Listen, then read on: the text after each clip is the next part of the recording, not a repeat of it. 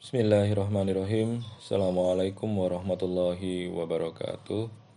Uh, kembali lagi di mata kuliah manajemen dakwah yang pada kesempatan hari ini kita akan membahas tentang pengorganisasian dakwah. Jadi sebagaimana kita tahu dalam manajemen dakwah itu ada POAC ya, POAC POAC itu planning, organizing, actuating, controlling. Nah, ini bagian yang kedua. Setelah planning, organizing. Setelah perencanaan, pengorganisasian. Jadi uh, urut-urutannya semacam itu gitu ya. Uh, apa namanya? Secara teoritis gitu, secara sistematis itu semacam itu. Tapi sebelum masuk ke teori, saya ingin sedikit mengomentari. Sekali lagi saya mengapresiasi teman-teman yang sudah apa namanya konsul uh, mengkonsulkan judul begitu ya. Uh, lalu kemudian apa teman-teman uh, sudah berusaha untuk mencari tempat riset gitu. Itu tentu saya apresiasi. Ada yang beberapa konsul judul sekali langsung oh ya oke okay, ini menarik gitu. Tapi ada beberapa yang harus uh, ngobrol berkali-kali gitu Misalnya kemarin saya ketemu ada ya saya tentu tidak akan sebut nama ya. Ada yang menanyakan, "Pak, ini risetnya kualitatif atau kuantitatif?" gitu. E, sejak awal saya sudah sampaikan bahwa e, tugas UAS mata kuliah manajemen dakwah ini sifatnya lapangan. Artinya teman-teman nanti turun ke lapangan untuk mewawancara narasumber. Pasti ada narasumbernya ya kan? Karena seputar dakwah yang dakwah itu adalah uh, si, uh, bisa strategi dakwah, bisa manajemen dakwah, bisa metode dakwah dan itu semua harus turun ke lapangan, harus uh, apa namanya ketemu narasumber. Nah, salah satu ciri apa namanya metode penelitian kualitatif itu ya datanya digali dengan wawancara dan mendalam, bukan angka-angka, bukan hitungan-hitungan jadi tentu sifatnya adalah kualitatif. Maka semoga tidak ada lagi yang bertanya apakah ini kuantitatif atau kualitatif. Jawabannya jelas bahwa untuk mata kuliah ini kualitatif, sifatnya kualitatif. Jadi tidak ada hitungan, tidak ada angka-angka gitu. Bukan tentang pengaruh apa terhadap apa atau hubungan apa terhadap apa itu itu tidak diperbolehkan gitu. Semuanya harus eh, kualitatif. Bagi sebagian mahasiswa memang tampaknya kuantitatif lebih mudah karena eh, datang ke lapangan sekali nyari data, ngambil data habis itu diolah itu. Tapi eh, saya pengen teman-teman belajar riset kualitatif dan itu sifatnya terjun ke lapangan. Wawancara narasumber untuk mendapatkan data, kemudian data itu diolah ya kan. Dan itu dikerjakan dari pertemuan pertama sampai pertemuan terakhir nanti dikumpulkan gitu. Oke, jadi itu ya teman-teman. Lalu kemudian yang menjadi kesalahan juga ketika membuat judul adalah tidak fokus. Tidak fokusnya bagaimana? Misalnya gini, dia meneliti dua hal, strategi dakwah dan manajemen dakwah, bla bla bla bla bla bla gitu uh, saran saya satu aja, pilih salah satu. Kalau strategi ya strategi aja, kalau manajemen dakwah ya manajemen dakwah aja gitu. Kalau dua itu ya bisa aja, tapi kayak malah kayak nggak fokus gitu loh. Mau neliti strateginya apa, uh, apa apa manajemennya gitu. Itu kan kayak udah dua hal yang berbeda. Harusnya bisa menjadi dua riset gitu. Nah, mending salah satu. Kalau strategi strategi aja, manajemen manajemen aja gitu. Jadi fokus gitu kemarin ya dari sini akhirnya kita bisa belajar. Kita dari sini bisa belajar eh, apa namanya bagaimana sih cara membuat riset yang baik begitu. Karena ya mohon maaf gitu kemarin ya ketemu dengan teman-teman semester 10 semester 12 di skripsi itu kayak masih kebingungan juga gitu dalam membuat judul yang baik padahal sudah semprot gitu. Dan akhirnya malah berubah di semprot itu meskipun berubah judul di semprot itu ya biasa saja gitu tidak tidak yang kayak gimana salah besar itu enggak juga dinamika membuat skripsi itu ya begitu hal yang lumrah lah gitu oke selanjutnya eh, apa namanya yang menjadi kesalahan juga adalah begini. Uh, judul itu ringkas saja gitu, ringkas saja gitu. Jangan jangan bertele-tele, jangan terlalu apa ya muter-muter terlalu panjang gitu. Bahkan judul itu ada yang membatasi maksimal itu 15 kata gitu. Kalau sudah di atas 15 kata, wah itu sudah sudah terlalu panjang gitu. Nah ini tips ya. Jadi judul itu nggak usah terlalu panjang. Misalkan ya eh, manajemen dakwah pengajian pang muslim dalam membentuk religiusitas anggota gitu. Jadi jelas manajemen dakwah nih penelitiannya teorinya jelas manajemen dakwah. Manajemen dakwahnya siapa? Manajemen dakwahnya pengajian pang muslim. Jadi anak-anak pang ngumpul mereka setiap malam Jumat ngumpul bikin pengajian ada ustadznya. Iya kan? Udah tuh. Jelas tuh manajemen dakwah pengajian pang muslim. Sudah jelas. Lalu kemudian eh, pengajian itu dalam rangka untuk apa? Oh ternyata untuk membentuk religiusitas anggota. Anggota itu siapa ya? Pang Muslim itu gitu. Jadi variabelnya ditambah dalam membentuk religius anggota gitu boleh, dalam membentuk akhlak remaja gitu juga boleh gitu atau atau apa pun lah ya itu itu silahkan gitu variabelnya ditambah gitu. atau kalau hanya sederhana saja manajemen dakwah pengajian pang muslim gitu di Surakarta gitu ya boleh juga sih gitu tapi kayak kalau ditambah ya tambah bagus juga gitu dalam hal apa gitu jadi itu teman-teman ya dalam dalam riset itu. Insya Allah kalau teman-teman uh, apa namanya uh, memahami pola-pola begini ini terutama dalam membuat judul gitu ya itu akan dan simple aja simple gitu tidak terlalu harus daki-daki yang gimana gitu. Uh, kalau sudah tahu apa namanya rumusnya gitu ya nggak uh, lebih dari 15 kata terus simple dan jelas di judul itu udah jelas yang mau dilit, yang mau diteliti siapa itu jelas gitu dan jangan lupa ya saya pasti akan bertanya gitu apa menariknya? gitu. Apa menariknya sebuah tempat itu kamu riset? begitu jadi itu pasti akan saya tanyakan uh, apa namanya ketika teman-teman konsul gitu ya pasti akan teman-teman pasti akan saya tanyakan gitu. Jadi uh, saya berharap teman-teman sudah punya alasan yang kuat begitu ya. Karena kema kayak kemarin ya sekadar contoh aja kayak kemarin waktu ujian itu. Ada yang meneliti tentang video TikTok gitu. Bagi saya saya tidak ada masalah dengan TikToknya gitu. Tapi terus kayak ya yang ngapain gitu itu video semacam itu diteliti gitu. Apa pentingnya? Apa menariknya? Pertanyaan saya juga begini. Apa kontribusinya bagi uh, lembaga gitu? Apa kontribusinya bagi lembaga? Kontribusi untuk KPI, untuk FUD gitu, untuk IAIN gitu.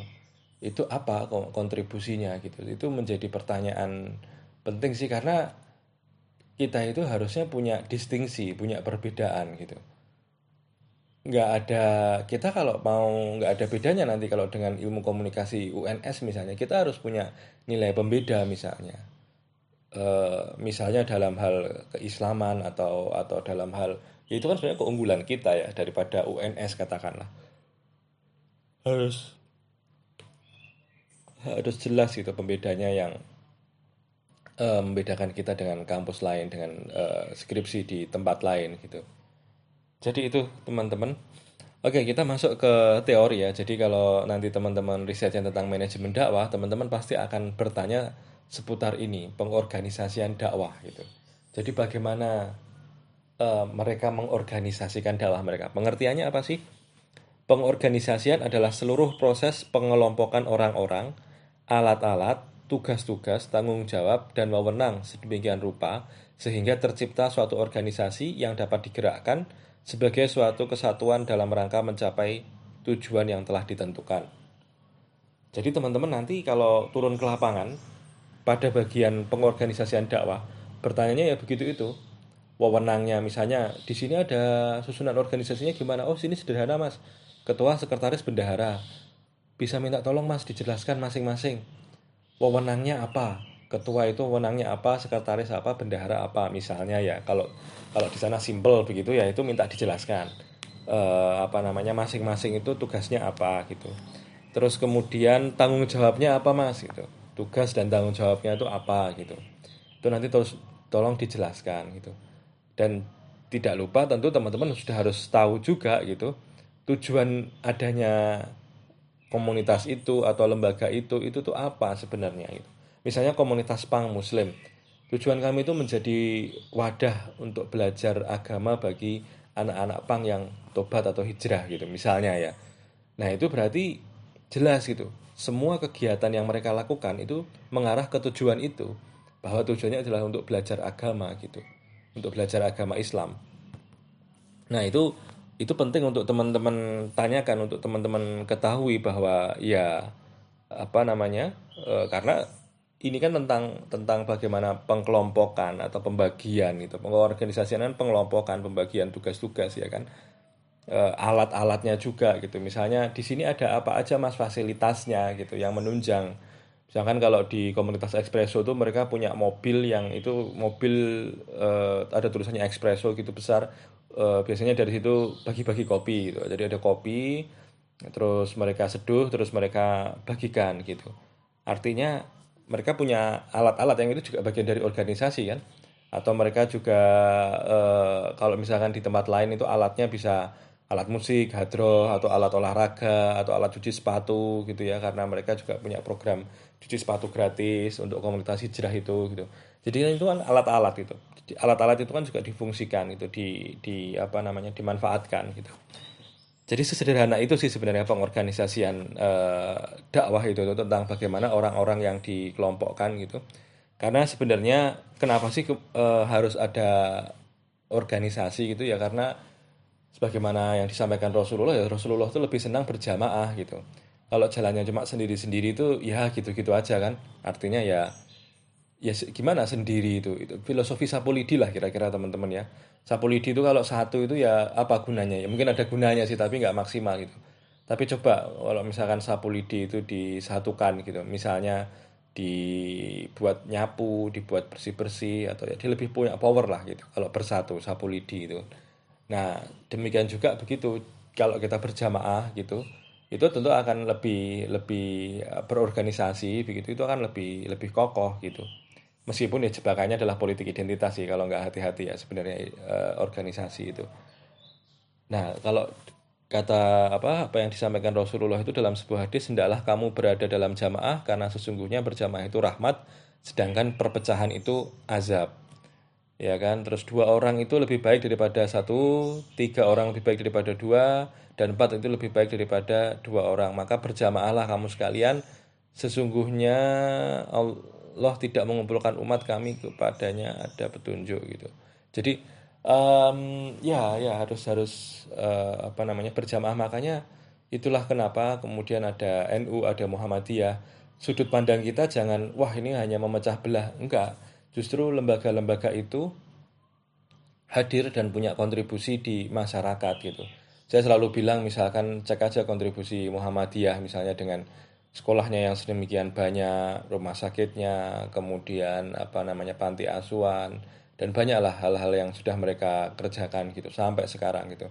Demikian juga NU dengan pesantren-pesantrennya dengan eh, apa namanya eh, sekolah-sekolah yang mereka juga punya ada UNU juga eh, kalau Muhammadiyah punya UMS gitu. Jadi kontribusi mereka dalam dunia pendidikan, kesehatan itu sudah tidak diragukan lagi dan mereka bisa begitu itu ya karena mereka berjamaah, berorganisasi gitu. Maka sebenarnya kalau teman-teman di tempat teman-teman itu banyak apa ada organisasi NU atau Muhammadiyah yang hidup itu juga bisa menjadi tempat riset juga gitu. Bagaimana mereka kemudian e, membuat kegiatan-kegiatan dakwah selama pandemi. Nah, itu juga menarik untuk dilihat gitu. Misalkan mereka pakai Zoom katakanlah gitu ya. Nah itu bisa apa namanya bisa teman-teman teliti juga gitu. Ini apa namanya ya uh, semacam uh, peluang bagi teman-teman gitu. Karena pak organisasi ini hampir di setiap daerah ada gitu dan saya yakin pasti ada gitu sehingga teman-teman bisa menelitinya gitu.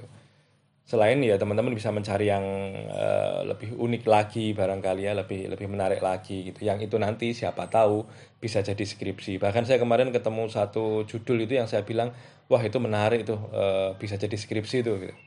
Karena memang memang unik gitu uh, apa namanya komunitasnya gitu jadi gitu di pengorganisasian dakwah itu ya ada ada apa namanya hal-hal lain yang dibahas misalnya seperti departementalisasi dakwah, terus kemudian spesialisasi kerja gitu. Tapi saya tidak akan membahas mendalam itu. Intinya sih sebenarnya kayak lebih ini ya. Uh, ya sama lah kayak kalau kalian pernah di HMJ ada divisi-divisi HMPS ya sekarang. HMPS di Permata TV di Radika di Dista di UKM itu kan ada bagian-bagiannya. Dan setiap orang tuh punya tanggung jawabnya gitu. Saya contohnya nggak usah jauh-jauh ya teman-teman. Saya yakin sebagian besar berorganisasi gitu. Dan tentu tahu gitu pembagian tugas gitu. Ya intinya sih sebenarnya gitu aja sih. Ada rantai komando rentang kendali. Itu kan ya tadi terkait posisi apa namanya posisi ketua itu ada istilah sentralisasi, desentralisasi gitu kan. Organisasinya itu modelnya gimana? Apakah terlalu kuat ada di ketua, tuanya otoriter atau kemudian ya suara itu didengar begitu, suara orang banyak itu didengar dan difasilitasi lalu diputuskan gitu. Jadi itu teman-teman eh, apa namanya? contoh bagaimana eh, dakwah itu dikerjakan dan saya melihat misalkan apa yang paling contoh terbaik itu ya paling mudah itu ya melihat apa yang sudah dikerjakan NU dan Muhammadiyah selama ini gitu. Pengorganisasian mereka itu sangat berhasil ya sehingga bisa menghasilkan kampus, rumah sakit, bisa menghasilkan pesantren yang bagus begitu ya, menelurkan banyak alumni yang keren gitu. Jadi itu adalah adalah contoh konkret sebenarnya kalau mau melihat contoh bagaimana organisasi dakwah di masyarakat yang berhasil, Indonesia ini punya contoh gitu. Oke ya, jadi itu lalu kemudian mungkin juga teman-teman bertanya, sebenarnya tujuan pengorganisasian itu apa? Yang pertama membagi kegiatan-kegiatan dakwah menjadi departemen atau divisi uh, dan tugas-tugas yang terperinci dan spesifik. Iya, itu itu betul sih. Jadi namanya organisasi itu kan pasti ada divisi-divisinya ya, yaitu kalau terus bisa dibagi, dibagi kerjanya. Jadi kan organisasi itu karena punya tujuan, itu kan sebenarnya berat beban kerja untuk bisa sampai meraih tujuan itu kan berat beban kerjanya. Tapi kan dibagi. Ada divisi yang ngurusi ini ini ini ini dan ini gitu. Itu itu nanti kan nggak berat gitu. Itulah kenapa kemudian organisasi itu semangatnya sebenarnya di situ membagi tugas. Terus membagi kegiatan dakwah serta tanggung jawab yang berkaitan masing-masing jabatan atau tugas dakwah. Ya sama ya. Mengorganisasi mengkoordinasi berbagai tugas organisasi. Ya antara satu dengan yang lain bahkan antar organisasi gitu ya mengelompokkan pekerjaan-pekerjaan dakwah ke dalam unit-unit ya. Mungkin ada yang bergerak fokus ke pendidikan. Jadi kan misalkan kalau di NU dan Muhammadiyah itu ada yang ada yang fokus ngurusi pesantrennya ada yang fokus ngurusi uh, pendidikannya ada yang di kesehatan ada yang kemudian uh, di bidang apa misalnya uh, ya macam-macam. Ada yang ngurusi anak mudanya ada yang ngurusi perempuan-perempuannya. Perempuan nanti juga ada dua ya yang masih muda atau yang sudah ibu-ibu gitu jadi semuanya itu kayak dikelompokkan dalam unit-unit itu biar apa? Biar fokus gitu. Ya kalau di Muhammadiyah itu kan ada nasihatul aisyah, ada aisyah. Kalau di NU itu ada fatayat, ada muslimat gitu. Itu kan sebenarnya untuk membagi kan, untuk membagi biar fokus dan bahkan eh, apa namanya eh, biar kegiatannya itu bisa lebih masif gitu. Lalu kemudian tujuan pengorganisasian itu adalah untuk membangun hubungan di kalangan dai baik secara individual, kelompok maupun departemen ya. Terus kemudian menetapkan garis-garis pemenang formal, mengalokasikan dan memberikan sumber daya organisasi dakwah ya, dapat menyalurkan kegiatan dakwah secara logis dan sistematis ya.